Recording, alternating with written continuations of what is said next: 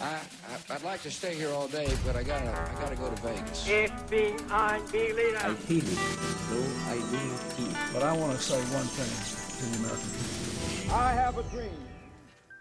Og der var vi i gang med nok en eh, herlig Globus-sending, må jeg være lov til å si. Ikke sant, Martine? Velfortjent i dag, vil jeg si. Velfortjent uh, i dag. Eh, I studio så har du Sigmund Grønli Bolme, Martine Ellefsen og Nicholas Autry. Hei. Anders Småsund er dessverre sengeliggende, så dere får klare dere med oss.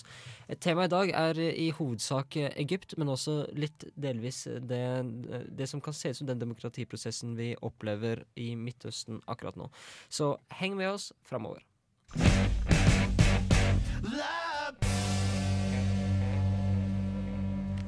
Det var Pujol med låta 'Black Rabbit' her på Radio Revolt. Du hører på Globus. Temaet i dag er Egypt.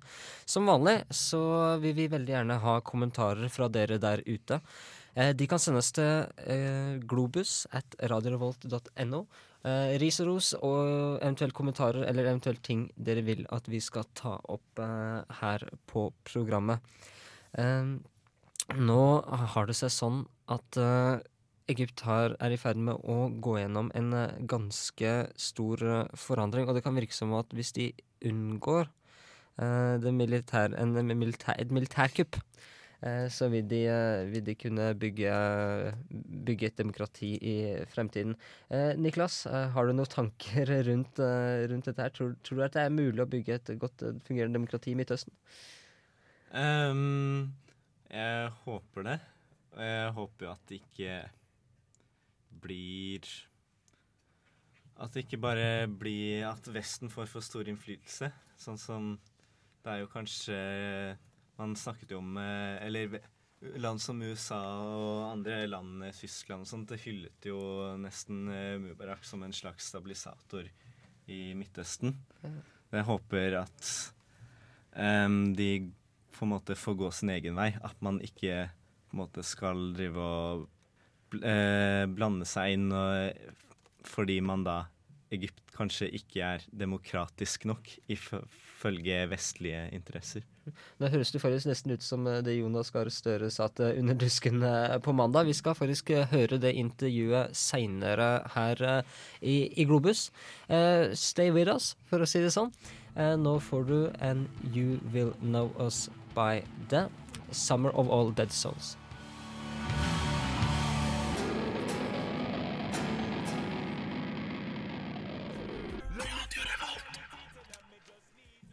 Det var And You Will Know Us by The Trail of Our Dead.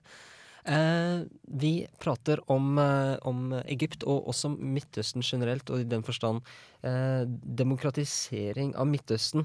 Eh, Niklas eh, var inne på det at han eh, ikke nødvendigvis trodde at det var mulig, men at han håpa at, at det går an, Niklas. Stemmer det? Um, ja, jeg er jo forholdsvis optimistisk nå. Fordi at eh, de, de opptøyene som vi nå har sett eh, i eh, Tunisia, i, eh, i Egypt, og, men også ikke bare der, i land som Jemen, til og med Iran har det vært opptøyer. Eh, og det siste nyheten er at det har vært bråk i Libya, så kanskje Gaddafi er på vei ut. Noe som for så vidt jeg syns hadde vært litt trist. Han er en veldig, veldig artig skrue. Han ser litt morsom ut, men utover det så vet jeg ikke om Gaddafi er på en måte, på en måte selve eh, typen av, av diktator med solbrillene, eh, de kvinnelige livvaktene og, og uniformen med alle medaljene. Kunne du tenkt deg vært en av de kvinnelige livvaktene hos Martine? Eh, nei, jeg er mer Mugabe-jente. Med Mugabe-jente. Ok. Eh, vi skal fortsette med dette temaet her eh, videre utover i sendinga. Du får eh, The Hex med City of Death her på Radio Revolt. Du hører på Globus.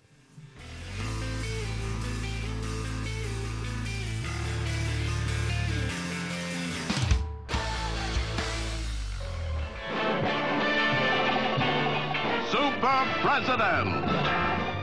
Finally, I believe that my next 100 days will be so successful, I will be able to complete them in 72 days. And on the 73rd day, I will rest. To granite, or whatever the need requires. Det var Obama som er superpresident eh, her eh, på Globus. Eh, og i enkelte områder, sånn som kanskje til og med Obama, så må vi i Globus innrømme at vi er litt grann, uh, altså favoriserer litt. Grann. Uh, et annet område som vi favoriserer litt på, det er, uh, sånn som vi snakka om tidligere, demokrati. Og nå er, er det sånn at med et økende demokratisk krav fra folkene i Midtøsten, så er det fortsatt et stort Altså en, et stor hinder for, for, eh, for dette kravet, ved siden av militæret og de, de tradisjonene som landet i utgangspunktet har. Eh, og det hinderet, det er eh, Vesten. Eh, det fins egentlig ingen pen måte å si det på, men eh, se på sånn som USA. eh, Har, eh, selv om de eh, sier mange vakre ting om demokrati, eh, så vi måtte kunne si Niklas, at de i mange tilfeller har, eh, har nærmest stått til hinder for demokratiet. Mm. Eh, for eksempel så, eh, så er eh, Mubarak, som nå har måttet gå fra Egypt, en av Vestens beste støttespillere. Og som amerikanerne Som jeg har sett skrevet i amerikanske aviser, annet New York Times, så er han He's a son of a bitch, but he's our son of a bitch. De bruker den gamle klassiske betegnelsen som amerikanerne har brukt, brukt tidligere. Men er ikke det litt typisk vestlig? Vi setter inn diktatorer, som er våre kjære barn i begynnelsen, og så utvikler det seg til å bli denne onde ulven som alle har sett de kommer til å bli, og så klager vi på det. Og setter inn en ny diktator. Jo, så be- be- begynner vi, begynner vi å syte og Men det er vel kanskje, de er kanskje ikke så overraska over at de ble sånn, men de må jo late som de er det. Og, og særlig dette området her, for det er så, det, er- det er så viktig strategisk, og i, i forhold til oljeforekomster for Vesten, så blir det ofte sånn at eh, man eh, man eh, altså overser de eh, brudd på menneskerettighetene som disse dikta diktatorene utfører, eh, rett og slett for å beholde stabiliteten eh, som de gir. Eh, vi skal prate mer om dette seinere. Nå kommer Moi med 'Hjerteknuser' her Åh, på den er fin. Syns du det, Martine? Jeg er enig. Veldig, veldig fin. Her er den.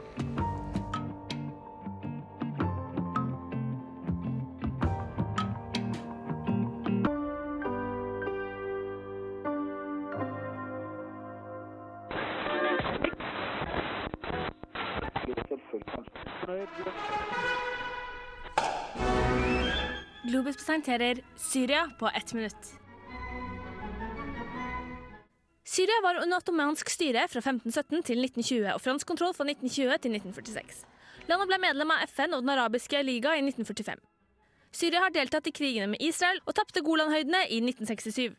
Etter flere militærkupp og motkupp tok Baath-partiet makten i 1963. Landet har stått i et sterkt motsetningsforhold til Irak og inngikk i 1908 en vennskapsavtale med Sovjetunionen. Syria deltok sammen med USA på alliert side i Golfkrigen mot Irak i 1991, mens i 2003 holdt sterk avstand til USA.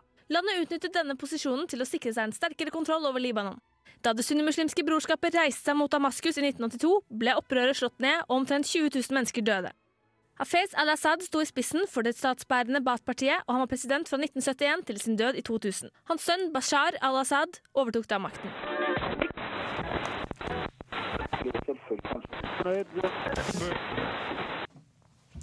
Det var eh, Martine Ellefsen som prata litt om eh, Syria. En liten, liten infobit om et av de landa eh, i Midtøsten som nå nærmest er under en diktatorfamilie. For det er vel kongefamilie i Syria, tror jeg stemmer. Det kan være. Eh, Ja, det kan være. Eh, en av de tingene som er interessant med Syria, er at det er en av de store motstanderne til Israel. Og, og på mange måter, altså, både Syria og Egypt har jo utført eh, altså utkjempet flere kriger med Israel, men eh, de siste åra, helt siden eh, Mubarak tok makta, før Mubarak hadde tatt makta, så har hadde Egypt og, Israel en fredsavtale. Altså, Egypt var der som et stabiliserende element i Midtøsten-konflikten. Og det eh, israelittene nå er livredde for, er vel om eh, Egypt faktisk skal eh, Demokratisk Egypt skal bli en motstander av, av Israel, sånn som det var tidligere. Fordi selv om toppledelsen i Egypt har, betydelig, altså, betydelig altså god kontakt med israelske myndigheter. Og selv om toppledelsen i Egypt eh, altså, du kan si menger seg med, med toppled, vestlige toppledere og føler seg som en del av Vesten, så er eh, situasjonen ganske annerledes for eh, vanlige folk eh, nede på gata. Eh, det kommer vi til å høre litt om seinere også, blant annet eh, når eh, Jonas Gahr Støre snakker om det muslimske brorskapet. Eh, nå får dere høre ukas utenriksnyheter, de absolutt viktigste nyhetene som man må få med seg. Japan har satt en midlertidig stopp for landets omfattende hvalfangst i Antarktis. Avgjørelsen kommer etter at aksjoner fra miljøaktivister i stor grad har forstyrret årets hvalfangst, og det er ennå ikke klart hvorvidt hvalfangsten vil sette i gang igjen senere på året. Japan er et av bare tre land i verden ved siden av Island og Norge som fortsatt jakter hval, og landet hevder at jakten utelukkende drives for vitenskapelige grunner. På tross av dette er det likevel en kjensgjerning at mye av den hvalen som jaktes av japanere, dukker opp i japanske frysedisker på japanske kjøpesentre. Ved siden av miljøvernsaktivister og miljøvernsgrupper er det mange land som protesterer mot japansk hvalfangst. Blant de største motstanderne er Australia, USA og New Zealand.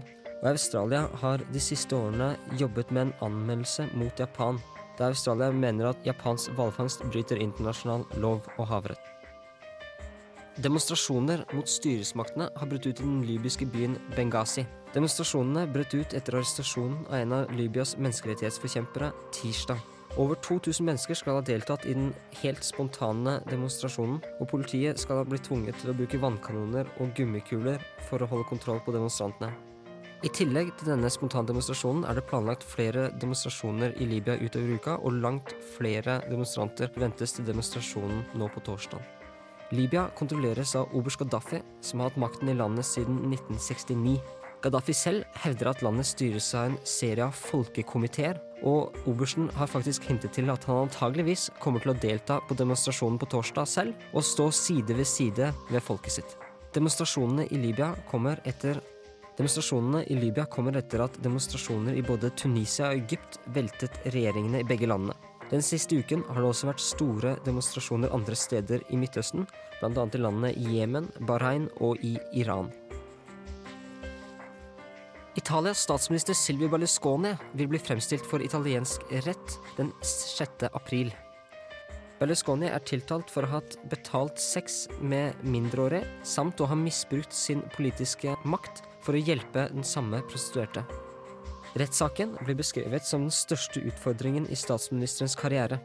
Kvinnen Berlusconi skal ha hatt sex med, heter Karima El Morag, og var 17 da hun ble introdusert for statsministeren. Den italienske statsministerens utskeiende livsførsel og forhold til kvinner har i det siste ført til tap av støtte fra kvinner over hele Italia. Men på tross av denne økende motstanden blant de italienske kvinnene, har statsministeren fortsatt sterk støtte blant den mannlige delen av den italienske befolkningen. Verdensbanken advarer mot økende matpriser verden over. De stadig høyere prisene har ført til at 44 millioner mennesker har blitt dyttet under fattigdomsgrensen bare siden forrige juni. Verdensbankens president Robert Suelik sier i en uttalelse at globale matpriser er i ferd med å øke til et farlig nivå og truer titalls millioner mennesker over hele verden. Han ber nå G20-gruppen av land om å forsøke å finne en løsning på verdens matproblemer under toppmøtene denne uken.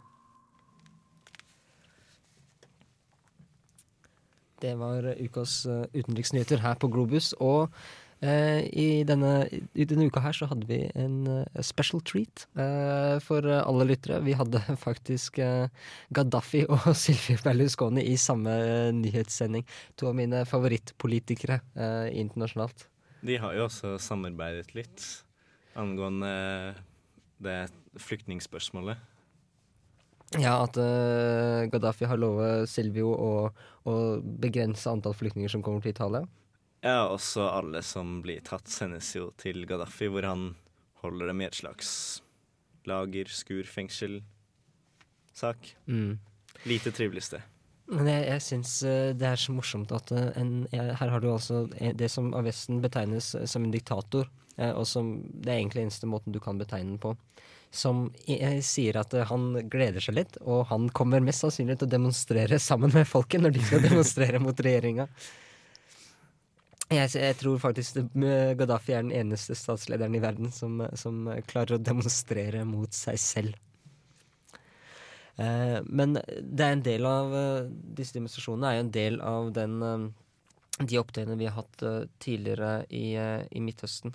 Eh, og det, det her arrangeres på Facebook uh, og gjennom, uh, gjennom internett. Uh, er det noe vi kommer til å se mer av, tror du, Niklas? At folk arrangerer seg gjennom nettet når de skal demonstrere?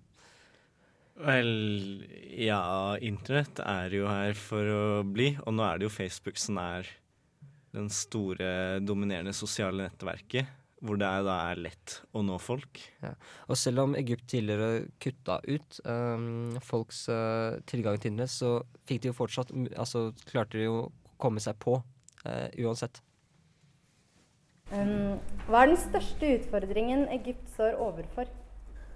Oh, det er et stort og vanskelig spørsmål. Uh, hvis du skal oppsummere det, så er det jo nå å klare å gå den vanskelige veien til demokrati og frihet. For nå har jo noe sluppet, men ikke noe nytt har tatt tak ennå.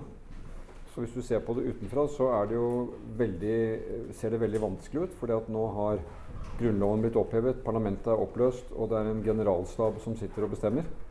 Men de har jo sagt de riktige tingene, at de vil innføre demokrati og vil endre Grunnloven og vil tillate friheter. Uh, men jeg så en avis som skrev her at nå venter friheten. Det er et stykke igjen, og det må egypterne klare selv. Så jeg tror den viktigste utfordringen er å få til at de drømmene og den kraften som kom i dette opprøret, får lov til å bli oversatt i noe som kan vare for egypterne. At de får eh, grunnlov og institusjoner og partier og ordninger som gjør at de kan holde orden på et demokrati på egyptisk vis. Og det blir fryktelig fryktelig krevende. Vi må hjelpe dem så godt vi kan, men eh, egypterne må føre an. Og det er ingen liten oppgave. Eh, de militære har alltid hatt stor innflytelse i landet. Hvor stor er faren for at de kommer til å bli sittende med makten? Det er én av farene, og jeg tror aldri de militære kommer til å være langt unna makten. Uh, egypterne er jo, eh, etter hva jeg forstår, og når jeg har vært i Egypt også ser, de er jo tett knyttet til hæren sin. Jeg tror det er den femte største hæren i verden. Uh, men det er jo en hær som, hvis den skal opprettholde ideen om å være en folkehær, må være på parti med folket. Og det var vel det som gjorde at de da til slutt skiftet side nå de siste uker, slik at Mubarak gikk. Uh, men spørsmålet ditt er jo da vil de slippe taket slik at uh, egypternes sivile mening og politiske mening kan få gjennomslag? Uh, og det blir det åpne spørsmålet. De som leder egyptisk her i dag, de gamle av dem iallfall, har jo ikke vært kjent som akkurat store demokrater, men kanskje kommer det forandringer også der? Med litt yngre krefter som vil se litt mer moderne på ting. Er det muslimske brorskapet en trussel? Det er iallfall en representativ kraft i Egypt. Eh, de som kjenner Egypt, sier at eh, de har jo ikke partier sånn som vi har, som du kjenner igjen i folket. Men den best organiserte bevegelsen er antageligvis den. Eh, jeg er veldig opptatt av at vi ikke må konkludere med at de er en trussel fordi vi har sett at andre som har vært islamsk orientert, har blitt en trussel. Vi må jo ta dem på alvor, forstå hvem de er og hva de er. Eh, og så langt så har jo de støttet opp om at dette opprøret ikke har vært religiøst. Det har vært drevet av ønske om frihet, medbestemmelse. Eh, men jeg tror det er viktig at det kommer flere krefter, flere stemmer til i det egyptiske samfunn, slik at det også blir mer pluralistisk enn bare eh, fra én. Men det er stor uro knyttet til det muslimske brorskap i Vesten, Israel, utenfor Egypt. Men det er altså en egyptisk bevegelse, og det dummeste man gjør, er å forsøke å overse dem ved å forby dem, holde dem nede, slik som man har gjort til nå. Det tror jeg bare gjør slike bevegelser enda sterkere. Eh, det var altså Der hørte du første del av eh, intervjuet av Jonas Gahr Støre, eh, som ble intervjua av Oda Oppdal Sakriassen fra Under dusken. Det skjedde på mandag. Du skal få høre resten seinere, men først så får vi Oasis med The Importance of Being Idol her på Radio Revolt. Du hører på Globus.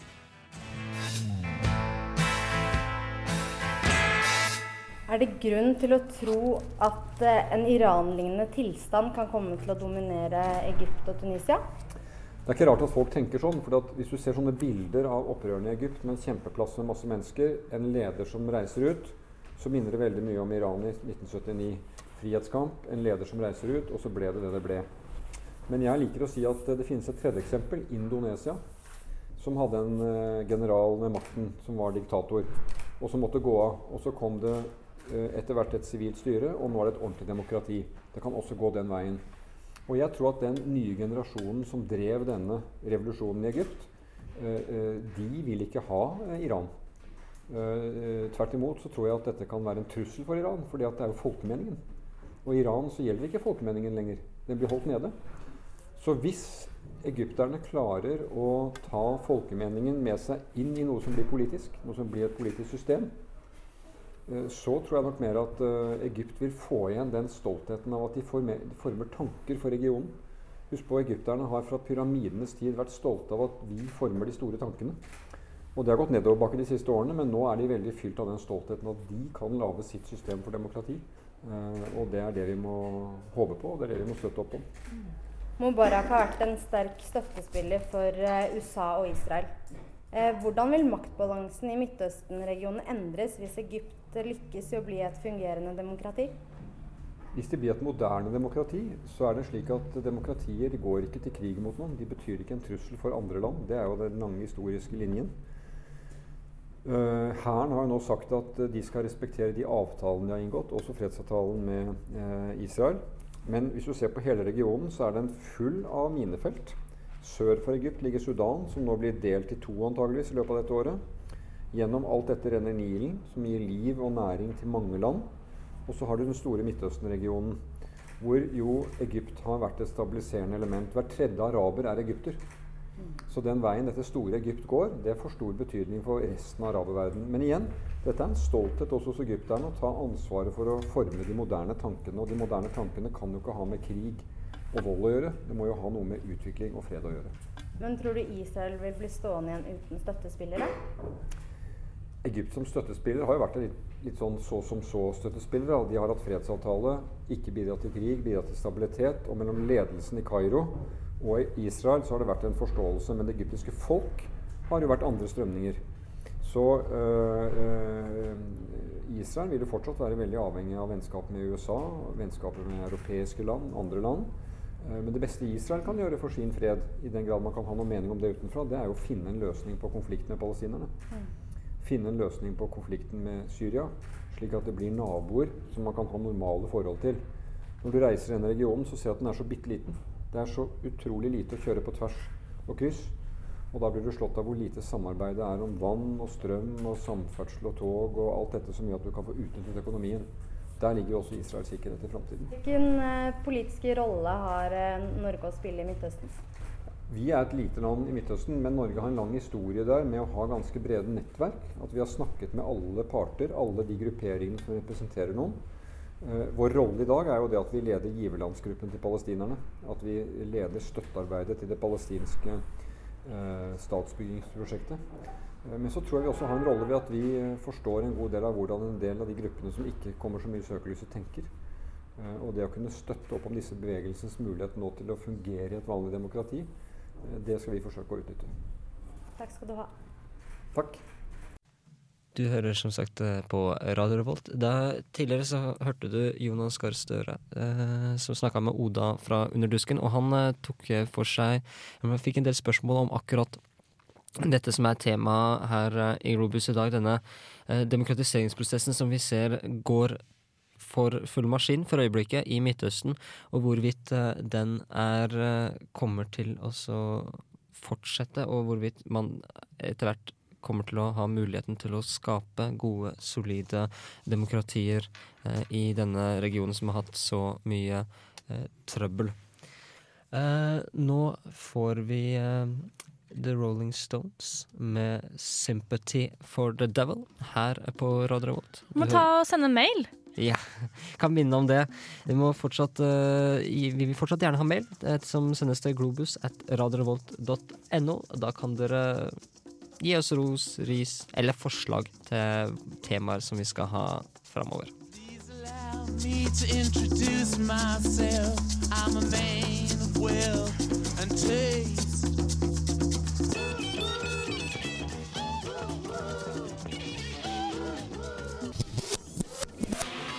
Nesten helg. On Revolt Radio. Tom Erik, når kan jeg høre Nesten Helg?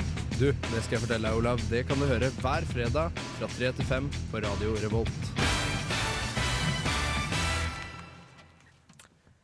Det var det Rolling Stones med 'Sympathy for the Devil'. Og så må vi også minne om at dere skal høre på Nesten Helg på Radio Revolt. Eh, vi snakker om Midtøsten her i dag, og vi eh, Martine har tatt en ørliten kikk på et av de andre store pro problemlandene, det må være lov til å si det, eh, i regionen. Eh, vi skal få litt info om Irak. Etter det så kommer Kaizers Orkestra med 'Prosessen' her på Radio Revolt.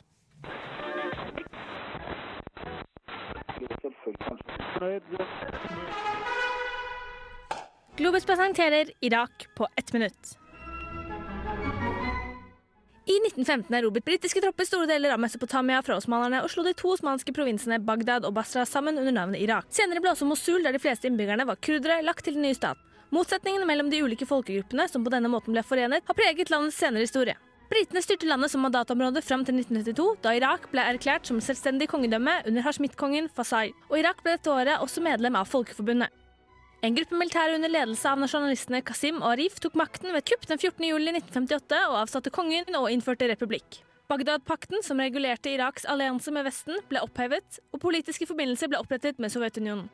I 1968 gjennomførte Baath-partiet nytt kupp, og i 1979 tok Saddam Hussein makten i landet. Hussein satt med makten frem til den amerikanskledede invasjonen i landet i 2003.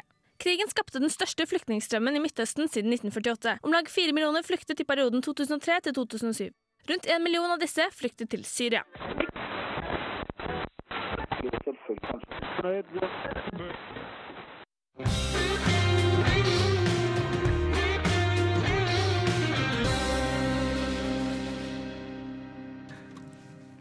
Keisers Orkestra med 'Prosessen' der, altså. God stemning i studio i dag. God stemning! Martine og Niklas.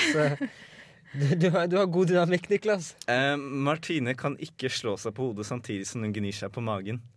Og det er et tegn på svakhet. Jeg tror ikke jeg kan gjøre det. Jeg- Men det er vanskelig Jo. å gjøre det når man er seriøst 10 cm under taket, som vi nå er i studio. Og vi har ikke senkt takhøyden. Det har vi ikke gjort. Nei, vi har, vi har heva bordet. Vi har blitt høye. Derfor vi sier så mye dumt. Fryktelig. Vi misforstår greia med Raise the Roof. Eh, før Keisers Orkester så hørte jeg iallfall Martine som fortalte litt om Irak. Eh, virkelig store hotspot eh, i, i Midtøsten. Og her har vi et sted hvor, hvor eh, amerikanerne har gått inn for å skape demokrati. Men det ser ikke ut som det har gått så fantastisk bra. Kanskje, kanskje dette er en eh, endelig lærepenge til amerikanerne om at det, det går bedre hvis dere bare lar ting ligge. Ro dere ned og slapp av. Det er det vi skal gjøre nå, eller? Det er det vi skal gjøre nå snart. Eh, Globus eh, for i dag går mot slutten. Eh, tradisjonen tro, nå har jeg endelig klart å overbevise de to andre med meg om at vi skal kjøre Ghost of the Red Cloud med The Flower Kings. Yndlingssangen din. Yndlingssangen min. En av yndlingssangene mine. I studio i dag så har jeg vært Sigmund Grønli Bolme. Jeg er vel Sigmund Grønli Bolme alltid. Jeg har hatt med meg Martine Ellefsen Det er meg! og Niklas Aatri. Ha det. Ha det fra oss her i Globus. God bedring til Anders, og så regner vi med å være alle fire når vi møtes igjen neste uke. Ha det bra. Ha det!